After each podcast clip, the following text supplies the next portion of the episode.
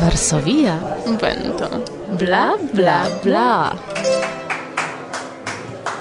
Ne anto la placo, mergicis en silento, ne anto complete, tranquilligis la public. Nur ciam diras la guidanto, oh, oh, nun estas la momento, malfermiĝas la kurtenoj, comencigas la music.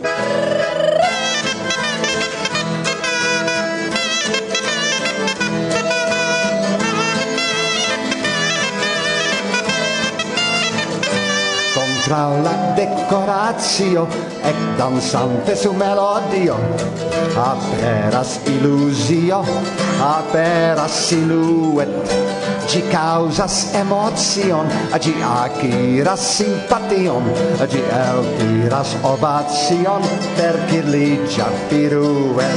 La racconto comencijas, ti poi figuricias, la publico amusicias per marioneta parodi. Lau vivai elementoi, kiel amo cae potenso, simplezzo cae senso montricias de poti proces io mult colora preter pasas al ocul. Rigardi gin shainas kiel rigardi en spegul la petolajo la molinsajo de la marionetaro similas vere la cutimoi de mia propra homo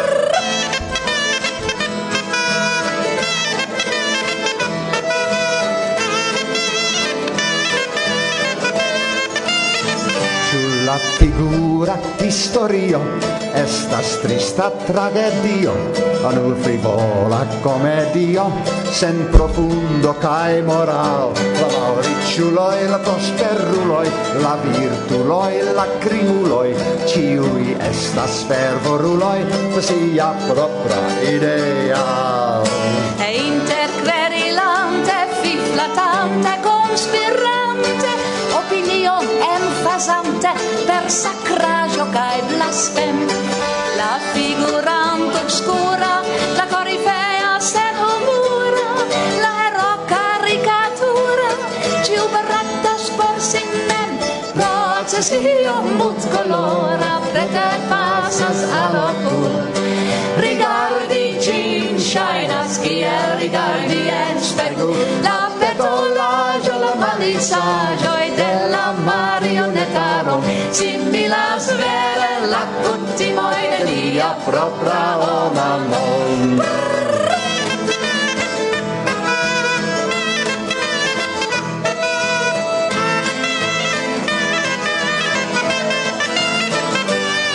La societo plenda, malcontenta cae offenda, ed e aliai sen dependa, nur shainas arlecen, cal foie furiose, ien nervose, sen ripose, sed ciam virtuose, ci movicias en arren.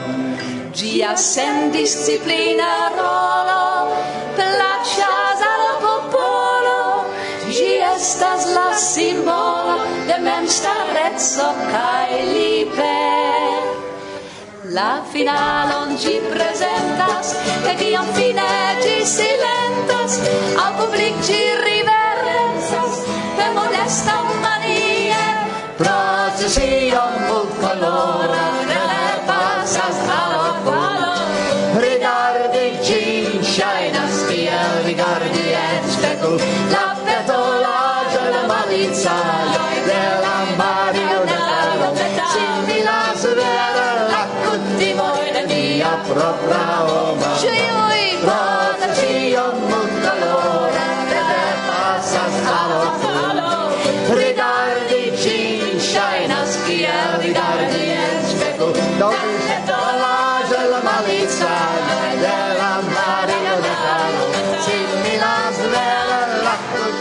de mia propra mamma Grazie sia molto d'ora che te passas a lotto Rigardi cincia in aschia, rigardi e La petolage la maritale, che la marinare Senti la svera, la cultiva de mia propra mamma Danke!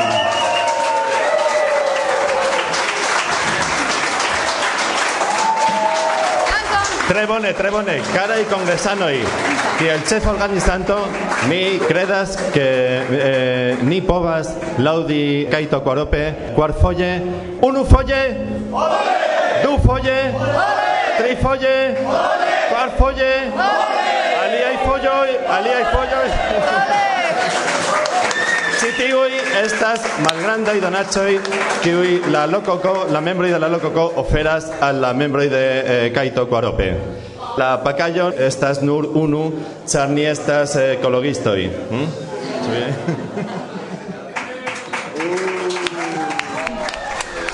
Do, elĉerpitaj.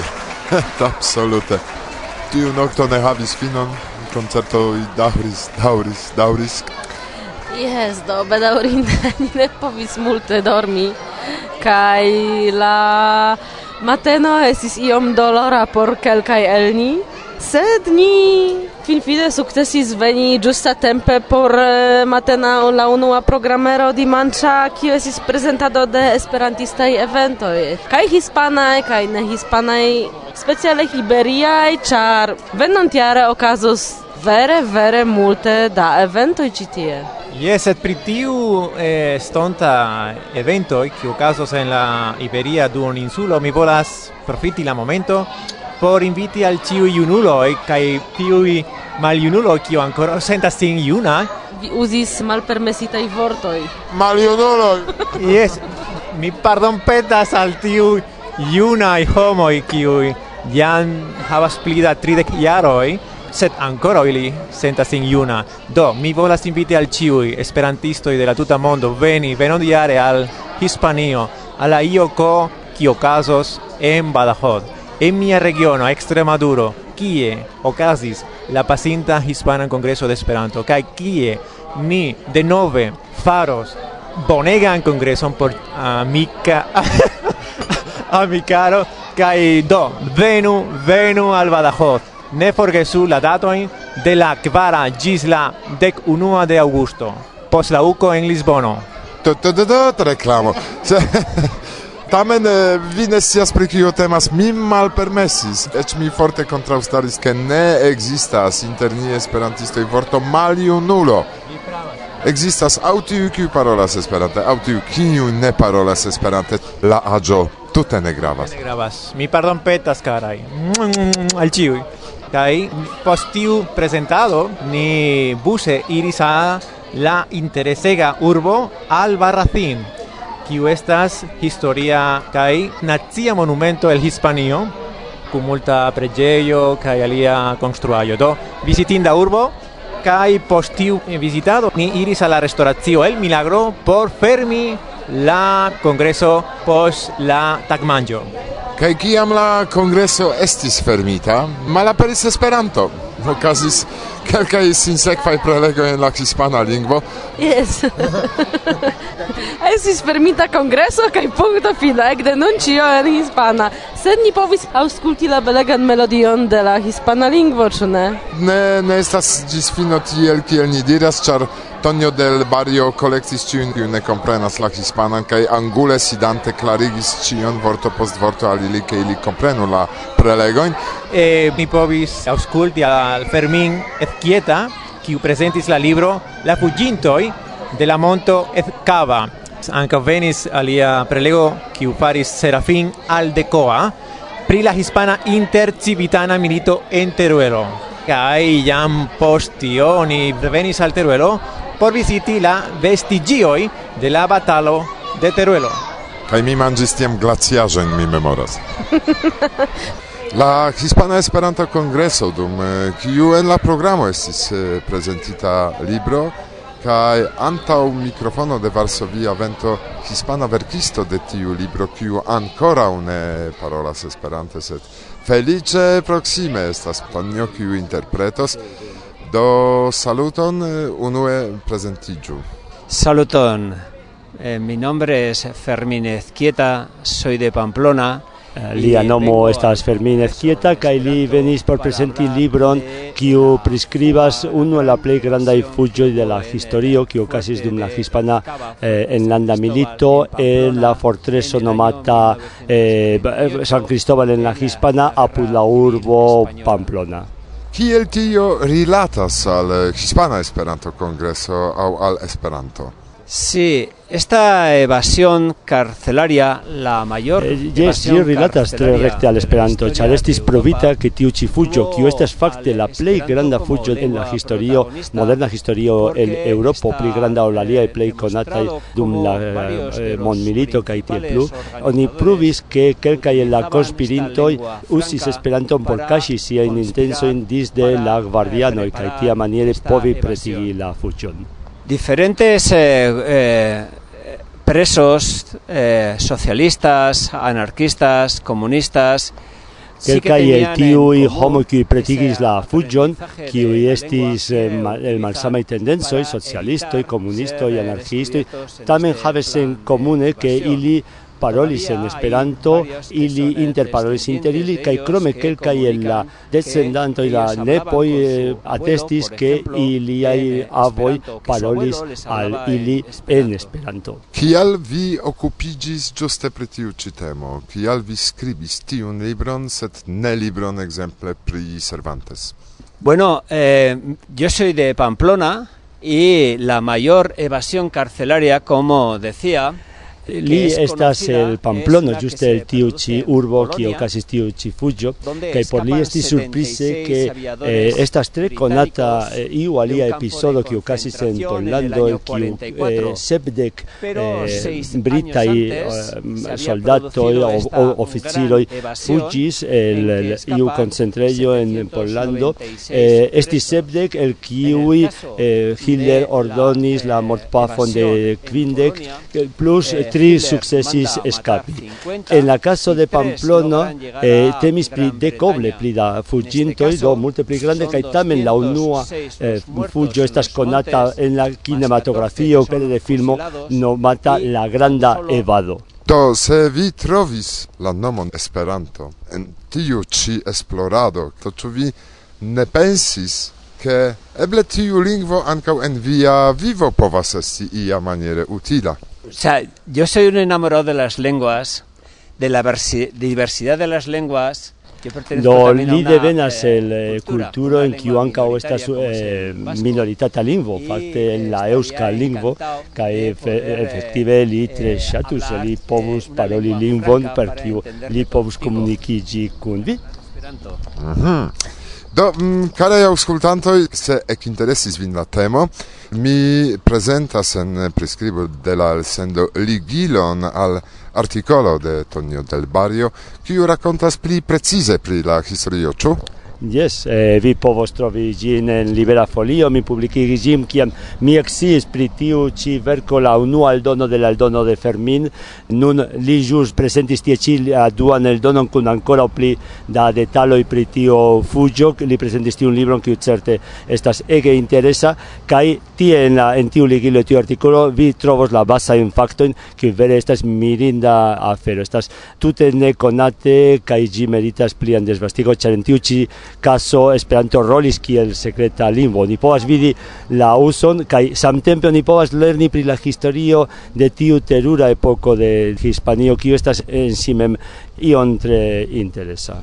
Do espero ni ke iam eh, tiu libro ankaŭ aperos eh, en la lingvo Esperanto same kiel Zamenhofa strato estas nuntempe en pluraj lingvoj kaj tiun ĉi interesan historion povos ekkoni ĉiuj esperantistoj en la mondo. Koran dankon pro la intervjuo. Kai mi deziras al vi eh, trovi ancora pli multa in bella in historia. Gracias. Gracias.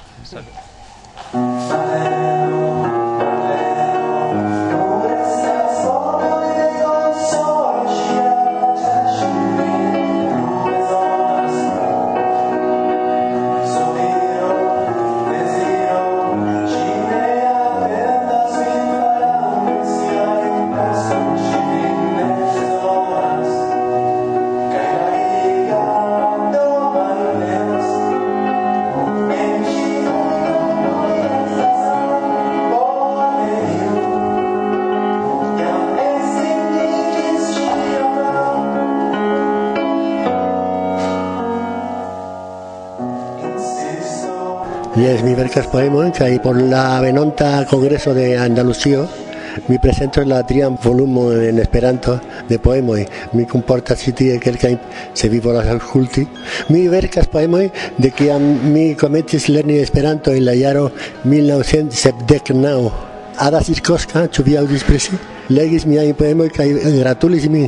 Kiel vi kapablas verki tiajn poemojn se vi studis Esperanto antaŭ tri monatoj? Eh, Tio ne suficias, kaj ŝi tremiris miajn poemojn. Vi ja forpasis, kaj mi kun peno trapasis la barieron del tempo. Mi triste ploras, ĉar via korpo sub blanca stono riposas. Audas mi kiel la morto furoras, kaj ek de nun mi tre solas, kaj sur la grunda tombejo, ki regas nur mistero, mi vin memoras cae per senlimai larmetoi mi malsequigas la teron, kie bullionai exploras.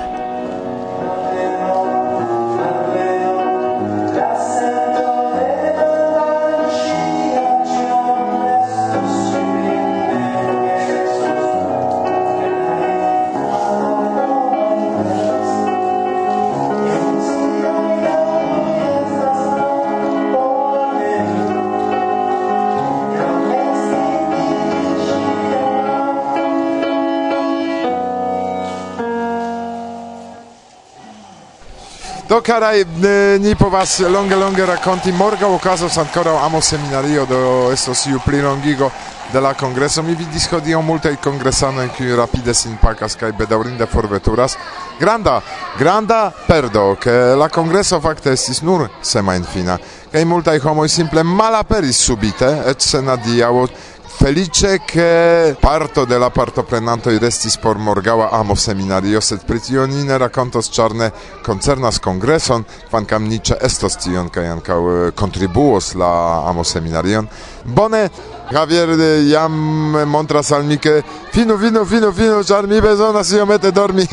yes estis tre lacega tago kaj ni malmulte dormis comuna vespermangio de la unua tago kai la concerto estis por mi la play mirinda i momento de la congreso. Kompreneble ne nur tio, sed ankaŭ la babilado, la eblo paroli kai con i novajn homoj. Do mi iras heime kun belegan sento de kai finfine vi ne laboris kiel chef organizanto? Yes, yes, yes. Por estis la unua congreso ke mi espertas tute tranquile mi estas tre felicia, mi sidis auscultante la prelego, vidi homoi en la corridoro, que mi ne devis curi solvi problema. Sed mi vidis Alberto, Granados, la chef organizanto de la congreso, kai mi nun profitas por dankegi lin kai ala tuta socio liberanimo charili multe laboris organizi citium belan congreso. Dankon alberto Elkoran dankon al kaunia flanke, ke ni povis esti ĉi tie kaj vidi kiel respektas Teruelo ĝui la kongreson hispanan kaj raporti pri ĝi fakte. Alberto, antaŭ vi nuntempe, por ke vi aŭskultu kiujn koŝmaron ni sonĝis dum la organizado antaŭ preparoj de la kongreso. Dankon!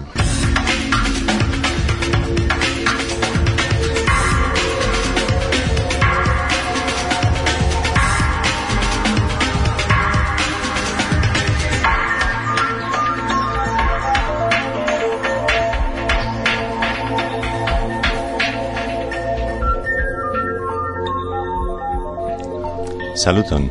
Mi nomo estas Alberto Granados, mi estas la chef organizanto de la SEPDEC sesa Hispana Esperanta Kongreso kai mi kore salutas al la aŭskultantoj de Radio Varsovia Vento. Ĉu estis malfacile labori pri organizaj aferoj, pri la programaj aferoj? Se vi demandis al mi antaŭ unu semajno, kiam mi estis tro maltrankvila, suposable mi respondo salvi que le organizi la congreso estas tre grava fero. Mi debus clopodi kai sorgi pri malfacilajn aferoin. Sed num kiam la congreso finigis mi estas tiel contenta kai joya que mi jam forgesis que organizi la congreso estis grava tasco. Ĉu sola? Vi laboris en Teruelo pri organizado de la congreso? Ne, ni estis almenau dec homoi, kiu klopodis pri diversai sorgadoi. Exemple, unu homo desegnis la fisoin, la, la ligilon, alia homo klopodis pri la technicaioi, alia homo pri la rilatoi cun la oficialaj organizoi, por serci subvencioi, cotopo alia homo pri la organizado de la vespre manjado i mi povis disigi la taskojn inter bona grupo de homoi. Kial vi invitis la congreson al Teruelo? Char la organizanta grupo, la lococo, estas eh, membroi de la Esperanta Asocio de Teruelo Liberanimo, kiu estas tre nova asocio. Ni fondis la organizon antaŭ unu jaro. Do ni estis tre mm, jojema, char ni fondis bonan organizon, ni estis plena de entuziasmo, kai ni postulis nian grupon kiel organizantoi, sed ni ne supozis ke la Hispana Esperanto Federacio fine decidus ke ni povus organizi gin. Vi diris, ke estas nova grupo. Ĉu tio signifas, ke vi estas la unuaj esperantistoj en Teruelo? Yes, mi estas la unua Esperanto en Teruelo, kaj antaŭ tri jaroj ni komencis organizi kurseton de Esperanto, sed ĉi tio estis stranga kurseto, ĉar la instruisto mi lernis la lingvon samtempe ke la lernantoj. Ĉu estis aliaj esperantistoj pli frue en Teruelo? Ĉu vi scias ion pri tio? Yes, eh, apud Teruelo, en villaggio Albarracin, estis creita la tria aro de esperantistoi en Hispanio. Post la grupoi de Madrido kai Málago en Villayeto de la provincia Teruelo en aparta Villayeto la pastro curacisto kai instruisto kai aliai homoi creis la unua grupo en la jaro 1903 ni scias que ili funkciis kai que en Teruelo existis grupo de Esperanto antau la intercivitana milito, cae entro el nasquillis, unu el la plei conatai esperantisto el Hispanio, Francisco Azorín. Li estis architecto, cae post li agado en Teruelo, Li estis politikisto, li estis verkisto, sed post la hispana milito li devis eliri Hispanio kaj iri al Meksiko, kie li presidis la Mexica Esperanta Federacio. Li estis tre konata homo, tre fama, char li partoprenis en la unua desegno de la bildoi de la plena ilustrita vortaro, kai Charlie li verkis vortaron pri arquitectura i terminoi. Eh, li estis tre tre konata, sed eh, ni scias ke post la intercivitana milito Esperanto estis malpermesita en Hispanio kai la grupo de esperantistoi de Teruelo malaperis do dum pli o malpli sepdek jaroin existis esperanta organizita movado en Teruelo tre interesa historio esplorinda fakte valoras eĉ mi serĉas spurojn en enciklopedio de Esperanto kaj mi pensas ke kaj la vizaĝon kaj priskribon de la persono oni povas trovi kaj ekscii pli multe pri la penoj de niaj pioniroj ĉar Sensio pri niaj radikoj fakte ni ne vere komprenas kio okazas en Esperantujo. Kion vi ŝatus diri? al esperantisto en la tuta mondo, kiu nuntempe aŭskultas eh, nian programon. Mi satus kore saluti al ili, kaj mi volus diri ke vi devas prisorgi la esperanta movado, klopodi pri la esperantaj aferoj, sed precipe mi rekomendos al ili ke li devis ĝui la lingvon, ĝui Esperanton, char Esperanto estas facila, Esperanto estas eleganta, estas bona lingvo. Unu, ju la lingvon. Du, klopodu pri la Esperanta movado kaj pri la seriozaj aferoj. Sed unu, ju la lingvon.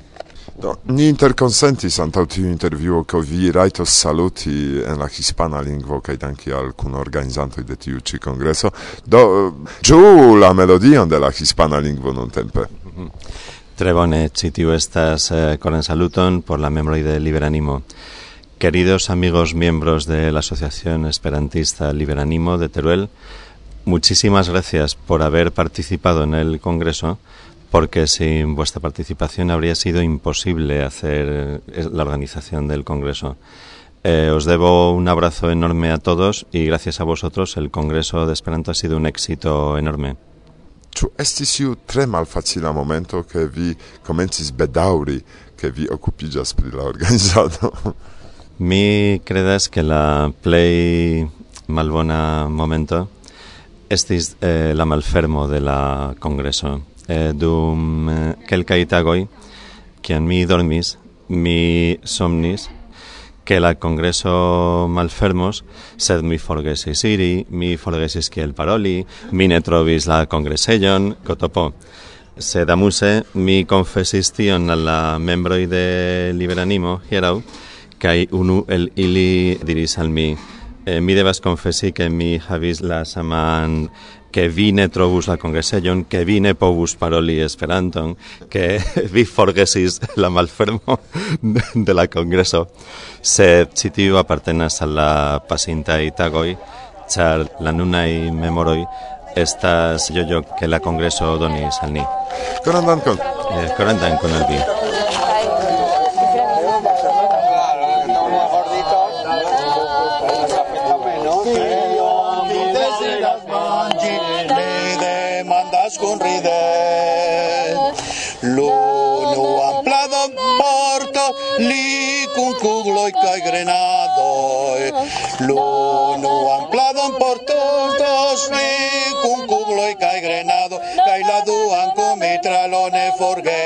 sulla menù cai la duan por mi trailo, ne forge sulla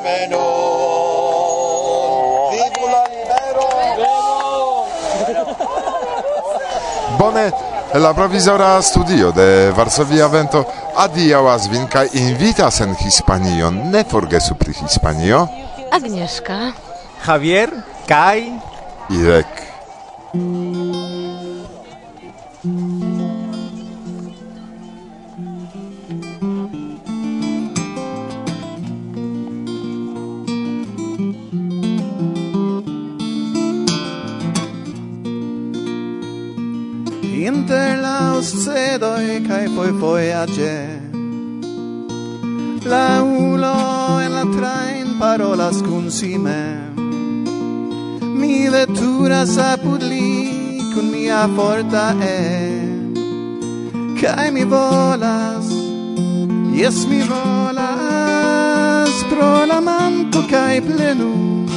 mi attendas vin C'è la multcolora luce, la acqua che la musica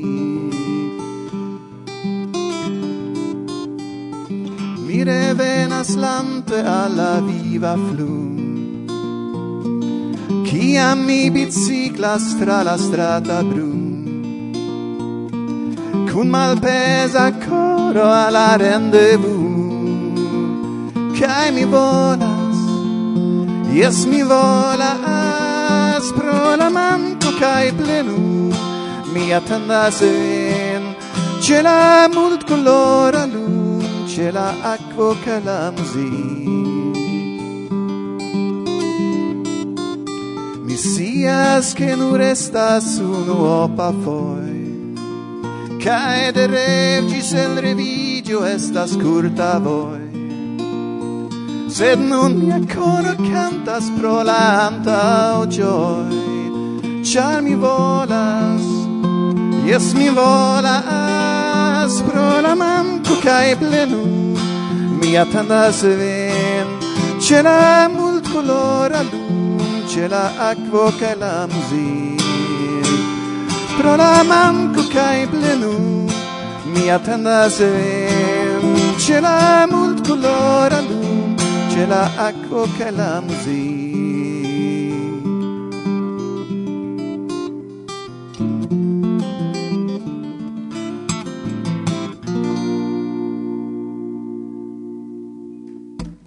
Bonan Nocton, tak Bla, bla, bla. Varsovia Vento.